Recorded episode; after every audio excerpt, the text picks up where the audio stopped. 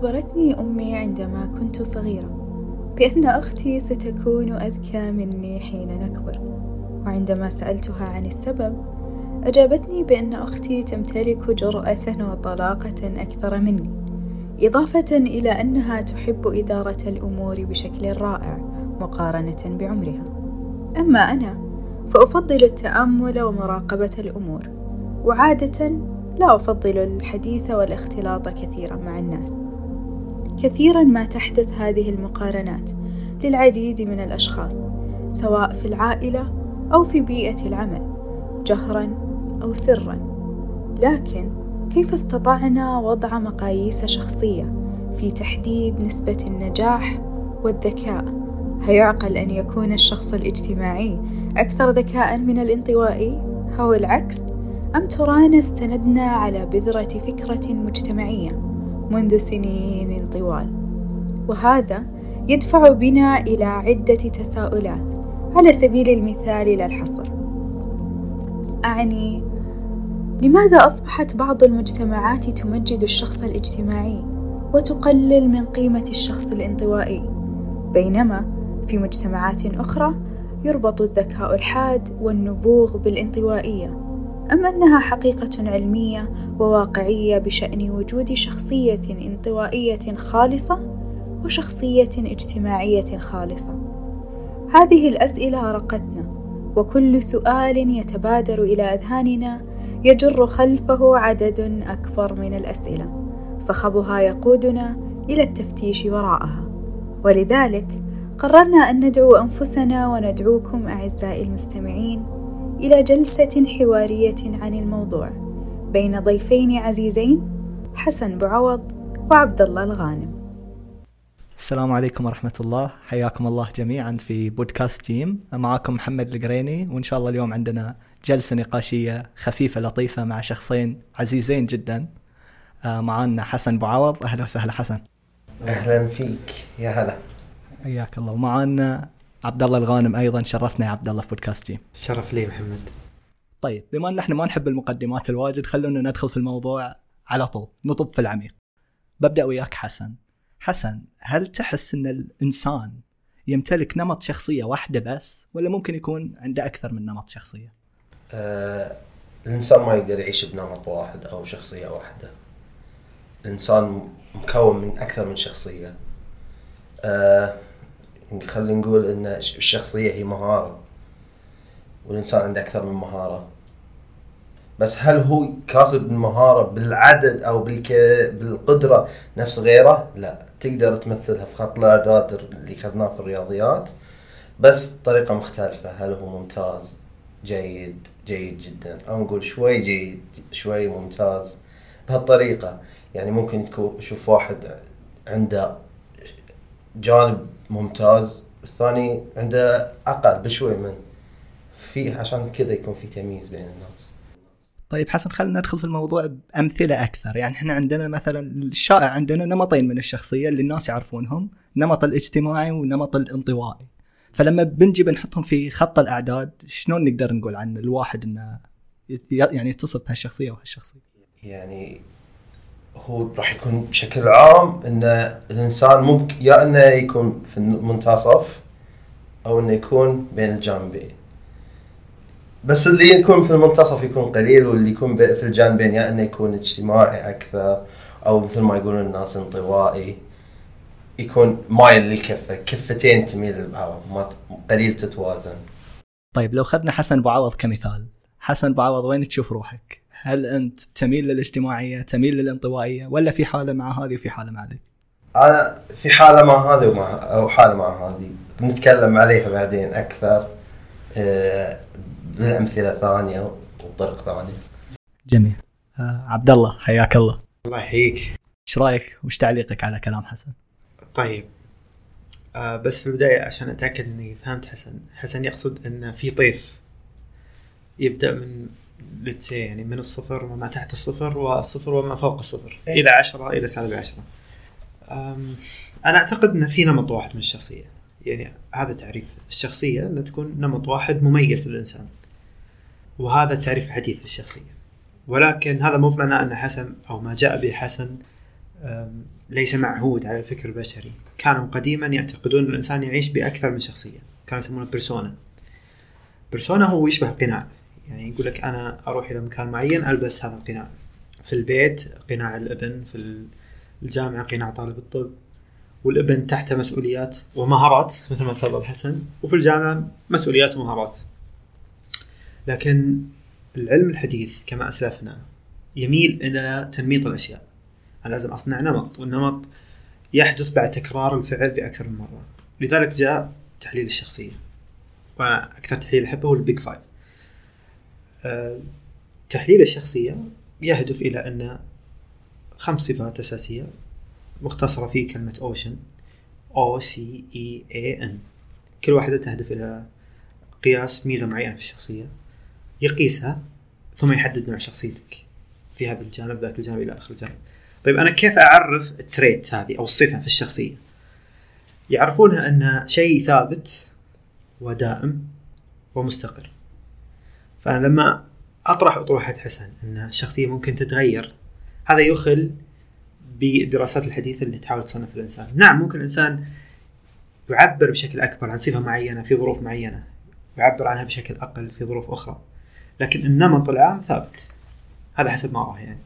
جميل جدا. طيب آه، هل الشخصية هو أمر الإنسان يكون مجبر عليه ولا تح... آه، يعني هل هو أمر مجبر بحيث تحده عليه الظروف أو لا الإنسان هو اللي يختاره. إيش رأيك عبد الله؟ طيب الشخصية حالها حال كثير من الأشياء التي يرثها الإنسان. فيها الجانب الجيني اللي يأثر وفيها الجانب البيئي يسمونه environmental factor وفي ظروف في خبرات شخصية كلها تضاف إلى الشخصية. لو ناخذ مثال أسهل الطول مثلا. الطول يولد الإنسان تقريبا بنفس الجينات لكن ممكن يوصل لأقصى طول تستطيع جيناته أن تصل إليه. ممكن يكون أقل منه بسبب عوامل بيئية تغذية وغيرها جميل. حسن شنو تعليقك على الموضوع؟ والله ما أختلف مع عبد الله واجد يعني خصوصا لما نحدد إن الجينات موجودة في في الشخصية آه البيئة. وخلينا نقول إحنا في المجتمع العربي آه البيئة البيئة تتأثر على شخصية الشخص بشكل كبير. عندنا الدين العائلة العرف كل هذه الأمور تأثر يعني على الشخصية. ولا ننسى الظروف الظروف يعني كيف تحد الظروف تجبرك تتحول من من جانب إلى جانب. فممكن يكون الإنسان مجبر على أنه يكون في هذه الشخصية. ممكن يكون مختار. إذا كان ما بيده التغيير أو ما عنده القدرة على التغيير الكبير فهو يفضل إنه يتحول من جانب إلى جانب من كفة إلى كفة عشان مثل ما يقولون هو عشان يرتاح لنفسه. فهنا نجي لموضوع ثاني هل هو الإنسان يسمع لنفسه يسمع للغير أو يسمع لنفسه وللغير ويحلل؟ فهنا هنا يكون هل الإنسان مجبر أو مختار حق الشخصية أو المهارة ها- المهارات هذه؟ طيب آه أنا ودي بس أنوه إلى نقطة مهمة. في كثير دراسات علمية تقيس تأثير الجينات في الشخصية وأغلب الدراسات تتمحور حول التوائم. فيلاحظون كثير من التوائم حول العالم حتى لو فصلنا البيئة في تشابهات كبيرة جدا. ولكن أيضا في اختلافات يعني اختلافات موجودة وهو تأثير البيئة تأثير الخبرات الشخصية. فلو بلخص وجهة نظري من زاوية أخرى أن تأثير الجينات موجود ومهمل عند المجتمع. يعني يعتقد بأن الجينات ولو أن في كثير من الموروث سواء الموروث الديني الموروث الاجتماعي في إلماح أن الجينات لها تأثير قوي. صحيح. لكن أيضا يبدو وبشكل غريب أنه غائب عن الأذهان. ترى بعض البيوت يتميزون بصفات معينة. بيوت أخرى تتميز بصفات أخرى. آه، فمثل ما قلت الجينات لها تأثير كبير جدا. ولكن لا نهمل تأثير البيئة. جميل جدا. طيب حسن معلش لو نخصص الموضوع شوي كيف ممكن البيئة تأثر على الإنسان بحيث يكون شخص انطوائي؟ ممكن تعطينا تزودنا بأمثلة؟ خلينا نقول إن أنا ب... يعني من جانب قبل أن نتكلم على هالشيء نقول إن الانطوائية الناس اللي تقول عن الانطوائية ذي ذي شيء ثاني يعني لأن الناس تحكم عليك. يعني تلقي الحكم عليك بالانطوائيه زين. قبل قبل لا آه، يعني مثلا نقول العلماء تقول عنك أو أو كلام نقول العلماء. الخبراء. الخبراء. لين هم يقولون انه والله هذا كاسب آه، الفكرة الانطوائية أو مهارات هذه الانطوائية. آه، كيف كيف يكون انطوائي الإنسان؟ من في ككلام مجتمعي. في آه، بعض آه، بعض البشر مجبر من سب- بسبب عائلته. آه، يعني بسبب طريقة عائلته كيف درسوه كيف علموه أو كيف اكتسب. بعضهم مجبر بسبب إن أهله ما يسمحون له مثلا يطلع أو لازم يحددون له أشخاص يصير معاهم. زين؟ فهو اذا صار تحت هذه الأضواء راح يطلق عليه انطوائي. بعضهم والله لا هو رافض لأشياء كثيرة في موجودة في مجتمعه. زين؟ فراح يبتعد. ما يقدر يأثر. فهم راح يطلق عليه انطوائي جميل جدا. عبد الله عندك تعليق أو إضافة على الموضوع؟ آه ودي ألمح إلى زاوية مهمة جدا. أن اللي ذكره حسن مهم جدا ويغير في شخصية الإنسان. لكن مو بالضرورة التربية القائمة على عزل الشخص عن المجتمع تؤدي به إلى أن يكون انطوائي. الانطوائية شيء مختلف تماما له كرايتيريا مختلفة أن كيف أنا أقول عن إنسان أنه انطوائي. هذه ممكن تخلي الإنسان خجول. طيب أنا كيف أفرق بين الإنسان الخجول وبين الانطوائي؟ الشخص الانطوائي عنده ضعف في الاهتمام إلى أنه يتفاعل مع بعض ال- الأنشطة الخارجية. بينما الخجول هو يود أن يشارك في الأنشطة الخارجية لكنه يخجل يخشى نظرة المجتمع. ما عنده المهارات الاجتماعية. هذا المهم جدا اللي نوه عليه حسن أنه تربى فترة طويلة في البيت ففقد المهارات الاجتماعية اللي تسمح له أنه ينخرط بسرعة في الأنشطة الخارجية. فأنا أعتقد في فرق ما بقول إنه كبير لكنه واضح بين الشخص الانطوائي وبين الشخص الخجول وهو الرغبة رغبة في الانخراط. الشخص الانطوائي ما عنده رغبه الكبيرة إنه ينخرط في كثير من الأنشطة. نعم. عنده رغبة انه ينخرط في أنشطة وبعدد معين لكن لما أنه ينعزل فانعزاله هو قرار ولم يفرض عليه. طيب حسن موضوع التغير الزمني يعني الآن الزمن تغير قبل خمسين سنة مو بنفس المجتمع الآن. فشنو تأثير هذا التغير على تسمياتنا ووصفنا للناس بكونه إنسان اجتماعي إنسان انطوائي؟ شوف محمد التغيير كيف آه، نشوفه؟ أو أنا حسن كيف أشوف التغيير؟ أثر.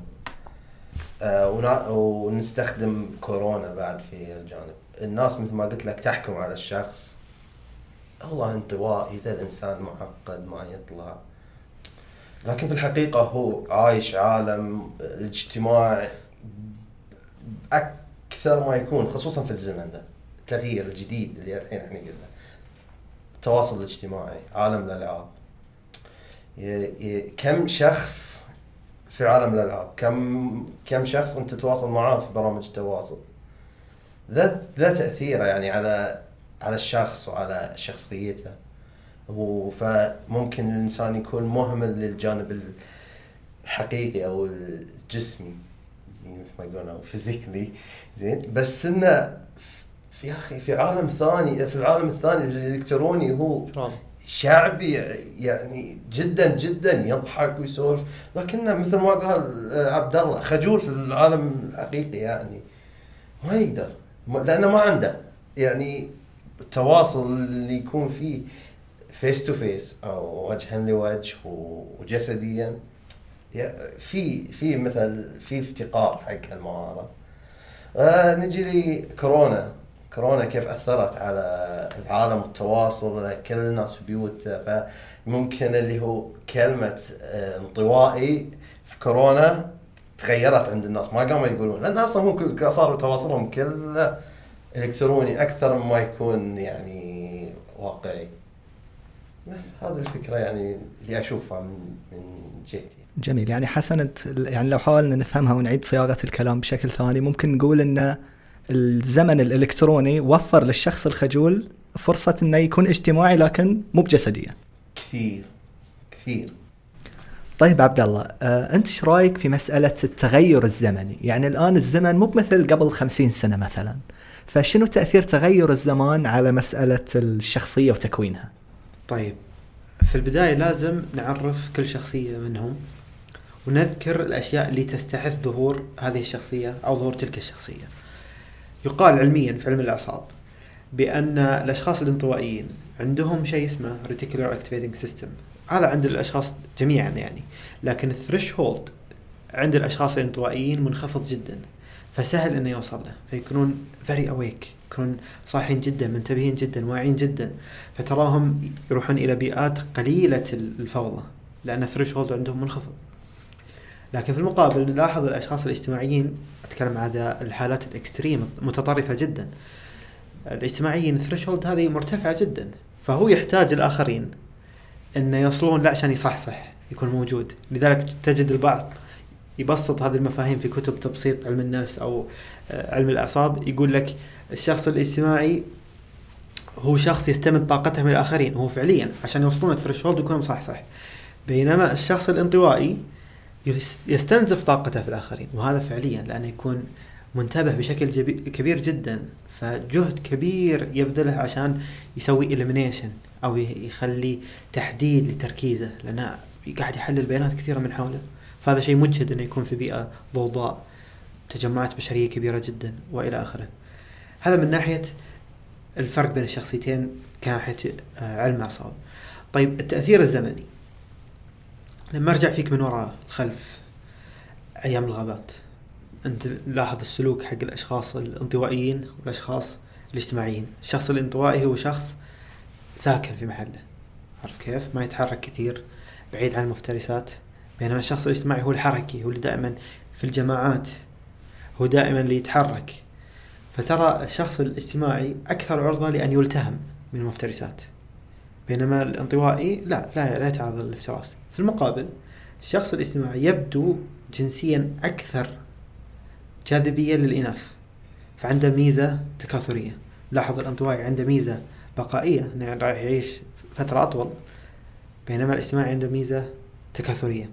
لذلك نشأت هذه البيئتين وبقيت عندنا. كل صفة نفسية في لها فوائد لذلك تبقى. طيب الآن لو نغير في المعطيات الزمنية أي تغير في المعطيات الزمنية راح يكثر هذه الشخصية على حساب الأخرى. أنا لما أخلي زمن معين أغلب التاسك اللي فيه أو المهام تحتاج شخص انطوائي عشان يتقنها. غالبا راح أزيد من أسباب نجاحهم فهم راح يتكاثرون ويقل الاجتماعي. فالآن يجي سؤال كيف أثر المجتمع أنا أعتقد أنه أو كيف تغيرت الظروف وأثرت؟ أنا أعتقد إن إحنا في زمن آه، الانطوائيين. أغلب المهام الحالية في صف الانطوائيين. نعم. التاثير الجماهيري وغيره إلى الآن قائم لكن أغلب المهام اليومية آه، مهام قائمة على الانطوائيه وكل واحد عنده مكتب ومكتبة خاص فيه مهام فردية والتواصل يكون عبر الإيميل. ف أعتقد ان أعتقد إني جاوبت سؤالك ولا؟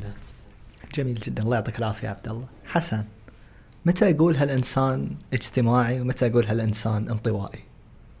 أه شوف الحكم المجتمعي أنا ضده. ليه؟ لأنهم يطلقون الأحكام عليه بشكل سلبي ويأثر عليه. لكن أقدر أقول عن الإنسان انطوائي اجتماعي أو آه، عن نفسي أنا كرأيي يملك الاثنين. يقدر يكون اجتماعي وانطوائي على حسب الحالة. فقلت لك الحكم الاجتماعي ما افضله إنه والله الناس بالتسمية هو عادي يكون يعني مش عيب.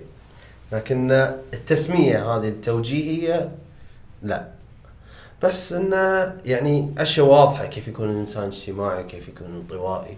الانطوائي يعني نجاحه آه، عمله دائما يفضل الهدوء وإنه يكون مثلا يا اما الحاله أو بتحديد عدد معين أو مجموعة. الاجتماعي لازم دائما تشوفه مشارك في الأنشطة الاجتماعية أو يكون له تأثير اجتماعي بالكلمة بالفعل. هذا هذا كيف أفرق بينهم. جميل. عبد الله أنت بالنسبة لك شفت واحد آه، من ربعك أي علاقة جديدة كونتها؟ هل تحرص إنك يعني تكون عن انطباع إن هالشخص انطوائي أو اجتماعي؟ وإذا كان كذلك يعني شنو الآلية اللي تتخذها في تصنيف الأشخاص؟ طيب مسألة الحرص من عدمه ما أعتقد إن لها قيمة كبيرة جدا لأن الإنسان بطبيعته يص- يصنف أنت إيش تصنف الأشياء؟ هذا هذا اجتماعي هذا هذا انعزالي هذا انطوائي هذا خطير هذا مسالم هذا. فبغض النظر عن حرصي فعقلي الباطن يصنف يعني باستمرار. طيب معذرة الجزء الثاني من السؤال. شنو الآلية اللي تتخذها في تصنيف الناس؟ يعني متى تقول عن هالشخص؟ يعني إذا شفت عنده الصفات المعينة تقول عن انطوائي وإذا شفت عنده الصفات المعينة تقول عنده تقول عن شخص اجتماعي. ما عندي صفات معينة إني أحاول إني ألاحظها في الشخص بخلاف طبيعة التعامل اليومي معه. إذا وجدت فيه إنسان يحب الحركة يحب إنه يبدأ حديث يستحث أفكار هو اللي يتواصل إنه يقول له يلا خلينا نطلع هذا بطبيعة الحال اجتماعي أكثر. أما ال- الشخص اللي طبعا مبني على تجربة شخصية ما هو دراسة علمية أو شيء. الشخص اللي عنده ردات فعل فقط انه يلا فلان نبي نطلع ويقول إيه أو لا هذا غالبا راح يكون انطوائي. لكن أعتقد إنه مهم جدا إن نفرق انه بين بين شخص آه، انطوائي وبين شخص حضوره ضعيف. يعني أحيانا تقعد في جلسة تجيب واحد حضوره قوي جدا يسمونه ألفا ماسكلين هو ياكل جلسة يعني. مو معناها كل اللي حوله انطوائيين أو لا حضورهم أضعف من من حضوره. فهذا ممكن يعني يصير آه، نوع من أنواع الشوشرة في الحكم على بعض الأشخاص. تعتقد انه شخص إيه. انطوائي لأنه هادئ تحطه في بيئة أخرى تشوفه بالضبط. تشوفه هو اجتماعي يعني وصفة واضحة فيه لكن حضوره ضعيف. وهذا شيء طبيعي يعني. لذلك تجد بعض الأشخاص اللي حضورهم قوي. الله يرزقهم كثير من الحكمة. فشوي يحاول يمسك هذا الجانب يحضر في مكان يحاول إنه حتى لو تكلم يعطي مجال لغيره إنه يتحدث. آه، فأنا أعتقد ممكن يعني من خلال خبرة شخصية إني أحاول ألاحظ هذه الأشياء أنا عشان ما تختلط علي الأمور. هل هذا الإنسان اجتماعي انطوائي ولا اجتماعي لكن حضوره ضعيف؟ هذا أعتقد شيء مهم جدا. طيب عبد الله بعد ما تأخذ هالفكرة هل يترتب عليها شيء في تعاملك مع هالشخص؟ ما أعتقد انه يعني انه شيء يترتب بشكل كبير لكن أحرص إني ما أضغط عليه. يعني لو كان شخص مثلا انطوائي آه، ما أضغط عليه جدا. اني أجبره على أن يتصرف بنمط معين من التصرفات. والعكس يعني في بعض الأشخاص اجتماعيين جدا أحاول أوضح يعني أنا أقرب إلى المنتصف يعني وإن كنت أميل للاجتماعي بشكل بسيط. أحاول أوضح له أن أنا ما راح أكون مهتم بنفس الأشياء اللي أنت مهتم فيها. المشاركات الاجتماعية الكبيرة جدا. نشوف مثلا كليه الطب تتيح لنا كثير من المشاركات الاجتماعية. اوضح له إني ما راح أكون as passionate as you يعني. واعتقد يعني هذا أهم شيء تصرف خلاله. آه، حسن أنت آه، أعتقد إنك عندك فكرة شوي عن الناس لما تطرح لهم طرح مثلا نقول فلان انطوائي. عندك ف... يعني تقدر تعطينا فكرة عن المجتمع شنو يصور الشخص الانطوائي؟ شوف لو تسأل 10 20 30 100 راح تحصل إجابات مختلفة. مش لأنهم تع... مو لأنهم ما يتبعون آه، مثل تعريف العلماء. يتبع... يتبعون تعريف ما... مثل ما... مثل ما يفهم هو أو مثل ما يحسب مثل ما يقيس. فهو يقيس الانطوائية على حسب تجاربه على حسب شنو هو فاهم حسب شنو شايف. بعضهم يقول لك والله الانطوائي هو المعقد هو اللي ما يفهم التواصل الاجتماعي بين الناس جدا يعني هو الأناني. بعضهم لا والله يقول إن الانطوائي هو هو الإنسان ذا السعيد اللي عايش في المجتمع الصغير كافي هو- خير شره كافي خيره شره ما عليه منها أحد يعني وهو الإنسان الناجح آه بعضهم يقول لك إن والله الانطوائي هي فكرة المفروض ان تكون عندك آه ترتب فيها أفكارك بشكل معقد ترتاح. بعضهم يقول لك والله هذه طريقة مثل ما قال عبد الله في الزمن هذا ان العمل. والنجاح إنك تكون آه، في الزمن في في جانب الانطوائية مهارات الانطوائيين عشان كنا؟ أقول إنك تكتسب مهارات الانطوائيين يعني عشان ما نظلم أحد يعني. تسوي elimination يعني. حق عبد الله تشوف روحك شخص انطوائي ولا اجتماعي؟ أنا كان انطباعي عن نفسي إني انطوائي لكن لما سويت الاختبار الشخصية لا يبدو أن انطباعي حاله حال أي انطباع خطأ حتى يثبت العكس فيبدو أني أقرب إلى أن أكون اجتماعي طيب عبد الله بما أنك جبت طاري الاختبارات الشخصية ف يعني شوي هنا نحتاج نوقف إيش مدى مصداقيه هالاختبارات؟ يعني إحنا كل يوم تجينا عشرات الاختبارات في الواتساب اللي تبين لك شخصيتك ف إيش مدى مصداقيتها فعلا؟ آه، في الحقيقة في الكثير من الاختبارات الشخصية تحليل الشخصية في منهم ما هو هراء بشكل كبير جدا في منهم ما يبدو صحيحا لكن ما في دراسات كثيرة تثبت عليه عن نفسي أنا أثق بالاختبار ال Big Five أو اختبار العناصر الخمسة للشخصية. مختصرة بكلمة OCEAN. لو أي شخص يكتب Big Five analysis ممكن يحصله ويحصله في الإنترنت مجاني وممكن حتى مدفوع يصير فيه تحليل أكثر للصفات الشخصية. هذا بحث هذا اختبار قديم ومبني عليه أبحاث كثيرة جدا.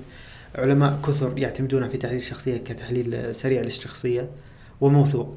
ما عدا ذلك وخاصة المشهورين تشوف يحطها في ال bio ها I N G T ما أعرف إيش حروف الهجاء الإنجليزية كلها يحطها في ال bio. هذا أقرب إلى أن يكون هراء يعني.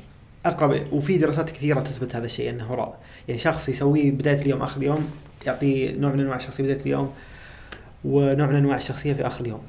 وهذا خطير جدا مثل ما وضحنا. في العلم يحاولون يعرفون الشخصية أو الصفة الشخصية إنها صفة ثابتة ودائمة. ومستقر. لذلك هذه الأنواع من الاختبارات وخاصة المشهور منها ما عدا ال Big Five أقرب إلى أن تكون هراء. جميل جدا. تصريح قوي يا عبد الله. آه. حسن طلاب الطب أذكياء دراسة أغبياء في الحياة تتفق ولا تختلف؟ وليش؟ آه، أختلف مع الجملة كلها وتحديد طلاب الطب بعد نفس الشيء. آه، لأن إحنا لما نكون في مجتمع مثلا تركيزهم على طلاب الطب راح تقال هالكلمة. لكن المجتمع حتى في عندنا إحنا في السعودية مثلا الهندسة ونقول طلاب البترول نفس الفكرة نفس الكلام. أه لا مش ما في لأن أنت ذكي ولا غبي حياة أقول لك. أه هذه يعني مثل يسمونه تصنيف أو علامة تحطها على الناس غلط. أه أنت شو الوقت اللي عندك؟ شو شو المجال اللي عندك راح تنجز فيه؟ وعندنا هنا نقطة توفير الوقت اللي عندك وتنظيمه. فالشخص أو الطالب نفسه في أي مجال كان راح يحدد آه، وين وين يحط نفسه. هل هو يبي ينجح بس على مجال الدراسة؟ ما راح يركز على الجانب الثاني. لا لكن تشوف في ناس لا والله هو مركز على الجانبين الجانب اللي فيه حياة. للمجتمع وجانب ذا. فنشوف مثلا نقول طلاب الطب فتشوف منهم يشارك في البرامج التطوعية الحج في الحملات التطوعية الصحية المجتمعية اللي نشوفهم في توزيع الوجبات ملابس الشتاء. ف في شيء مختلف عن ان نقول والله هذا ذكي وهذا غبي يعني العلامة هذه نحطها على الناس مش صح. عبد الله إيش تعليقك على كلام حسن؟ آه، اولا خليني أجاوب على السؤال واضح بشكل أفضل. في البداية لازم نقرر هل في شخص ممكن يكون إنه ذكي في الدراسة وغبي في الحياة؟ بعدين نخصص طلاب الطب. أنا أعتقد إنه ممكن إن الإنسان يكون ذكي ومتمرس في مجاله لكنه غير متمرس في مهارات الحياتية. بشرط ان نعرف إيش المهارات الحياتية. هل المهارات الحياتية تتضمن تعامل مع البشر ومهارات اجتماعية فقط ولا يدخل فيها المهارات اللي تحتاجها يوميا؟ أصلاح بعض الأشياء يعني تستغرب مثلا بعض الأشخاص إنه ما يعرف يغير كفر سيارته فأنا هل أسميه آه، غبي حياة؟ قد يكون قد يكون فيعتمد على تعريفك لغبي الحياة. في تخصصات ممكن تحرمك من كثير من من الوقت اللي تكتسب فيه هذه المهارات سواء اجتماعيا أو يسمونها المينتننس الصيانية عارف كيف؟ بخصوص طلاب الطب، طلاب الطب أنا أعتقد بعيدين جدا عن أن يكونوا أغبياء في الحياة. لأن التواصل البشري جزء كبير من تخصصهم. لما يجي ياخذ تاريخ مرضي. خلنا على سبيل المثال آه، مسلسل هاوس. شخصية طبيب. هذه شخصية طبيب مبنية على ترى شخصية شارك هولمز. محقق. وما في أذكى من المحققين يعني. إنه يستقرأ الأشخاص يقرأ الأشخاص وغيرهم وغيرهم وغيرهم. فأنا يعني أختلف بأن يكون طلاب الطب أغبياء حياتيا. لكن ممكن واحد يكون متمرس في تخصصه وغرقان في تخصصه. بشكل كبير لدرجة أنه فقد كثير من المهارات الاجتماعية والحياتية حسن هل الموازنة شرط للنجاح؟ يعني أنا شخص أجد نفسي مثلا في أميل للشخصية الانطوائية لكن هل يجب أن أجبر نفسي على أني أكون في المنتصف بين الانطوائية والاجتماعية علشان أنجح ولا لا؟ أه شوف هل أنت تسمع لنفسك لغيرك ولا تسمع لنفسك وغيرك وتحلل ثانيا هدفك في النجاح وين؟ نجاح نجاحك الشخصي فقط اللي بتفرح فيه أو نجاحك الشخصي والمجتمع يعني شنو أهدافك؟ هنا تحدد والله آه أنا المفروض أميل إلى وين إلى وين؟ فلازم الإنسان يكلم نفسه و... و... ويتواصل مع الغير ويشوف أفكارهم بعد عشان يقدر يحدد. آه ف تقدر انت تنجح انطوائي ونجاحك تفرح فيه كثير. كثير. ما تهتم بالمجال آه، الاجتماعي أو الفكرة الاجتماعية. لكن إذا كان هدفك إنك تنجح على أكثر من مجال لازم توازن. لازم تفكر بطريقة مثلا. لو أنت نجحت في شيء تقدر تفرح فيه بنفسك وما تشاركه أحد. راح يقولون عنك انطوائي حسب المجتمع يعني أنا أقول. راح يقولون عنك انطوائي لأنك ما شاركت نجاحك. بس إنك ناجح أنت فرحان فيه أكثر ما في أحد مثلك فرحان.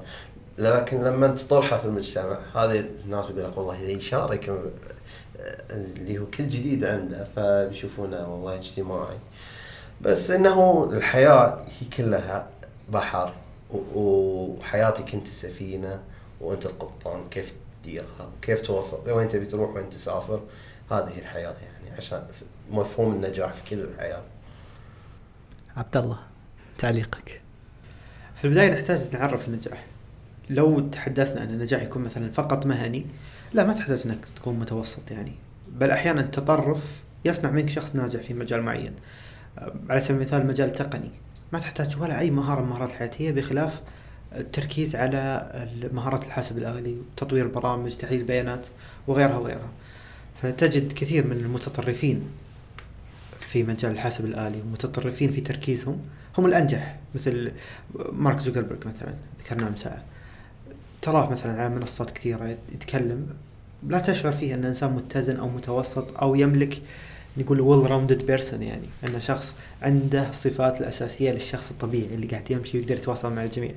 آه إيلون ماسك مثلا عنده أحد أطياف التوحد ف وكلاهما ناجح يعني ناجح مهنيا بشكل كبير جدا.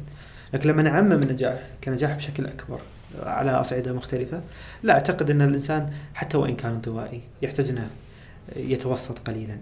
ما هو ما مش لدرجة إنه يكون اجتماعي غصبا عنه لكن يتعلم مهارات الاجتماعيين. ولو كان اجتماعي أيضا يحتاج إنه يتعلم بعض المهارات من الانطوائيين عشان يكون أكثر تركيزا وأكثر نموا. حسن آه لنفرض إن أنا شخص انطوائي. في ظل مجتمعنا الحالي الضغوطات اللي تمارس على الإنسان الاجتماعي كبيرة جدا. كيف ممكن نتعامل معها؟ آه لما نقول اللي ينصح الشخص اللي بينصح بيقول كلام مثل ما يقولون الكلام المثالي. طبعا هي ما هي مثالية لكن هذه الحلول اللي تطرحها والله تقول له حاول تتعلم حاول حاول حاول تكتسب مهارات آه اصبر.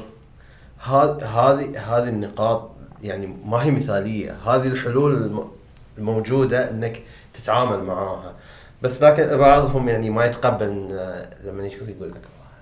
هذه كلام كتب ما ما يصلح المجتمع لا هو يصلح لما تحاول. آه المجتمع ضغطة وتأثيره كبير. فأنت ما تقدر أنت يعني بلمح بلمح البصر إنك تغيره أو إنك تنتقل من ذا إلى ذا أو تغير رايهم إما إنك تصبر أو إنك تحاول تمشي يعني بالخطوات اللي تخليك تغير سواء تتغير أنت وتكتسب أو إنك أنت تفرض ما أنت عليه. ما حد يقدر ينتقدك أو أو يزعجك باللي تسويه. أو إنك بشكل تصبر. المجتمع يعني ما تقدر أنت تغير المجتمع كله. فتصبر عبد الله ذكرت إنك تشوف روحك قبل إنك تميل للشخصية الانطوائية. هل عانيت من ضغوط مجتمعية بسبب هالشيء؟ وشلون تعاملت معها؟ طيب. آه عانيت إيه إلى حد بسيط يعني عانيت من بعض الضغوطات الاجتماعية لأن المجتمع يتوقع منك إنك تتصرف بطريقة معينة. كيف تعاملت معاها؟ أن لا تشخصن لا تشخص الموضوع، هو ما ينتقدك لأنك أنت يعني. دائما الإنسان دائما البشر تميل أن تنتقد الصفات المختلفة، أي شخص مختلف معرض للانتقاد. فهو ما ينتقدك لأنك أنت، هو ينتقدك لأنك مختلف. طيب الآن إيش مسؤولياتك؟ مسؤولياتك إنك يعني ما تتأثر بشكل سلبي. هل في أشخاص آخرين يجب عليهم أو عليهم مسؤوليات أخرى؟ نعم كثير من الأشخاص عليهم مسؤوليات ان يوضحون أن الانطوائيين هو عنصر هم عنصر كبير من المجتمع. وجود أشخاص انطوائيين شيء صحي. عدم الضغط أو الانتقاد الحاد في طبيعة شخص النفسيه يا أخي طبيعته كذا يتصرف. ليش أضغط عليه إنه يغير طبيعته؟ يعني إلا لو كان مثلا طبيعته النفسية تمنع من أن يكون عنصر فعال في المجتمع. هنا الانتقاد أو التصويب أو الإرشاد له موضعه لكن إذا هو إنسان فعال في المجتمع ليش ليش انتقده واضغط عليه. خليه يعيش حياته بشكل طبيعي. فلو بلخص مسؤولية ال- الإنسان المختلف ايا كان اختلافه عن المجتمع هو إنه ما يشخصن الموضوع هو ما ينتقدك لأنك أنت أو ينتقدك لأنك مختلف فقط لا غير. مسؤولية الآخرين أو المؤثرين من كل من له وجاهة كل من له تخصص كل من له منبر إنه يحدث ال- ال- المجتمع بتقبل الآخر بتقبل الاختلاف. طالما هذا الاختلاف آه، جزء أساسي من شخصيته ولا يمنعه من أن يكون عنصر فعال في المجتمع. بس انه لازم نضيف نقطة إنه الانطوائي مسكين لحاله عايش جوه. يا أخي يا المجتمع النقد هناك طريقة في النقد. دائما دائما نقول انه هو لا تشخصن الموضوع لكن في نقد يكون بغير يعني بعيد عن كل أساليب النقد الحقيقية. فتشوفه طبيعي يتأثر بالنقد يعني يا عبد الله. الأسلوب اللغة اللهجة الصوت كل كلها تؤدي إلى إنه يشعر بالذنب أصلا ذا فالمجتمع المفروض ما يوصل الشخص إنه يشعر بالذنب. يعني هو ما راح يشخصنها المفروض لكن لا ي... لا لا تحسسونه بالذنب. صحيح. طيب أنا بعد بضيف عليك أنت قلت مصطلح الانطوائي المسكين. ما في مسكين. هو ما في مسكين. أي. بس إنه هو أقول أنا أتكلم إنه حسب تعريف البعض. المفهوم ذا شو مثلا يعني يقول لك هو على نياته وش هو هذا اللي- على نياته بس هم آه، فرض المجتمع على بعضهم يعني يخليه يشعر بالذنب اللي ما اللي ما هو عليه. أنا هذا اللي بطرحه إنه يجب تطبيع هذا المصطلح. يعني لما تشو تقول لشخص أنت انطوائي المفروض وقعها على نفسه يعني صحيح صدقت يعني. أنا أنا انطوائي يعني. نطبع هذا المصطلح. ما نمسكن. عارف كيف؟ لأن الشخص الانطوائي هو عنصر فعال في المجتمع موجود. لهم نسبة المجتمع أنا مرة سمعت لكن مو متأكد منها انه ما يقارب 40 إلى 50% من المجتمع يميل إلى أن يكون. يعني ما هو الصورة المتخيلة عن الانطوائي لكن يميل إلى أن يكون انطوائي لحد بعيد. لكن أجبروا مثلا أن يتعلموا بعض الصفات الاجتماعية فلا تكاد تميزهم من الاجتماعيين. فهذه نقطة يجب علينا تطبيع هذا الشيء. الشيء الثاني قليل ادب قليل ادب يعني. مع الانطوائي ومع غيره يعني.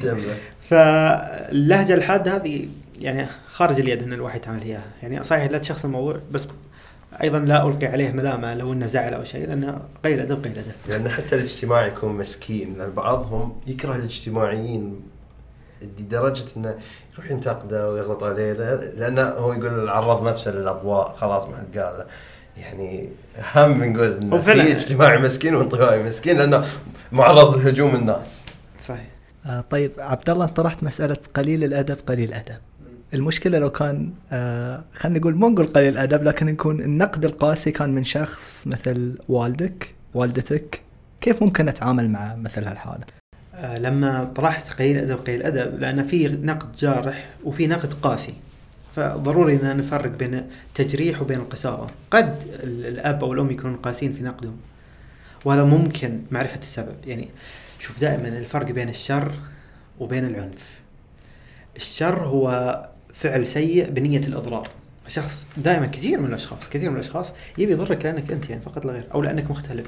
لا لا يسقط نفسه عليك فيجب أن يضرك. لكن القسوة أو العنف في وراءها مبرر. قد يكون مبرر صحيح قد يكون مبرر خطأ قد تكون يكون الأسلوب صحيح قد يكون الأسلوب خطأ. فهذه نقطة. طيب النقطة الثانية. لما يقسو الأب أو لما تقسو الأم هو نظير مصلحة يراها. فإن من الأفضل سوق العمل سوق البشر كيف تروج نفسك في المجتمع أنك تكون إنسان اجتماعي. هنا أنا أدعو أولياء الأمور أنهم يتثقفون في هذا الجانب. أن ابنك أنت مو مسؤول عن تشكيل شخصيته أنت مسؤول عن توفير له بيئة آمنة وداعمة. آمنة بحيث إنه لا يتعرض للانتقاد الشديد جدا في سلوكياته الطبيعية. وأيضا داعمة بحيث لو احتاج مساعدة تكون موجود. سند له وظهر له. وإذا شعرت أن في داخلك رغبه أنك تحببه انه يميل لسلوك معين عزز عنده بسلوكيات التعزيز يعني. إذا شفته بادر بمبادرة اجتماعية عزز هذه المبادرة لفظيا أو كرمه. يعني معروف علم النفس اللي هو يسمونه ال behavioral science علم السلوكي. تعزز بعض الأخلاق فتنمو.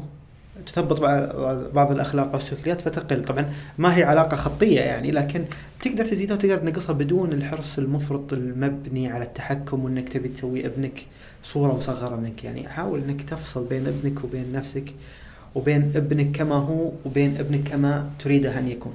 يعني خله يقولون خله يمشي على خطه يعني. حسن إيش تعليقك على الموضوع؟ ما أضيف ولا كلمة. ولا كلمة؟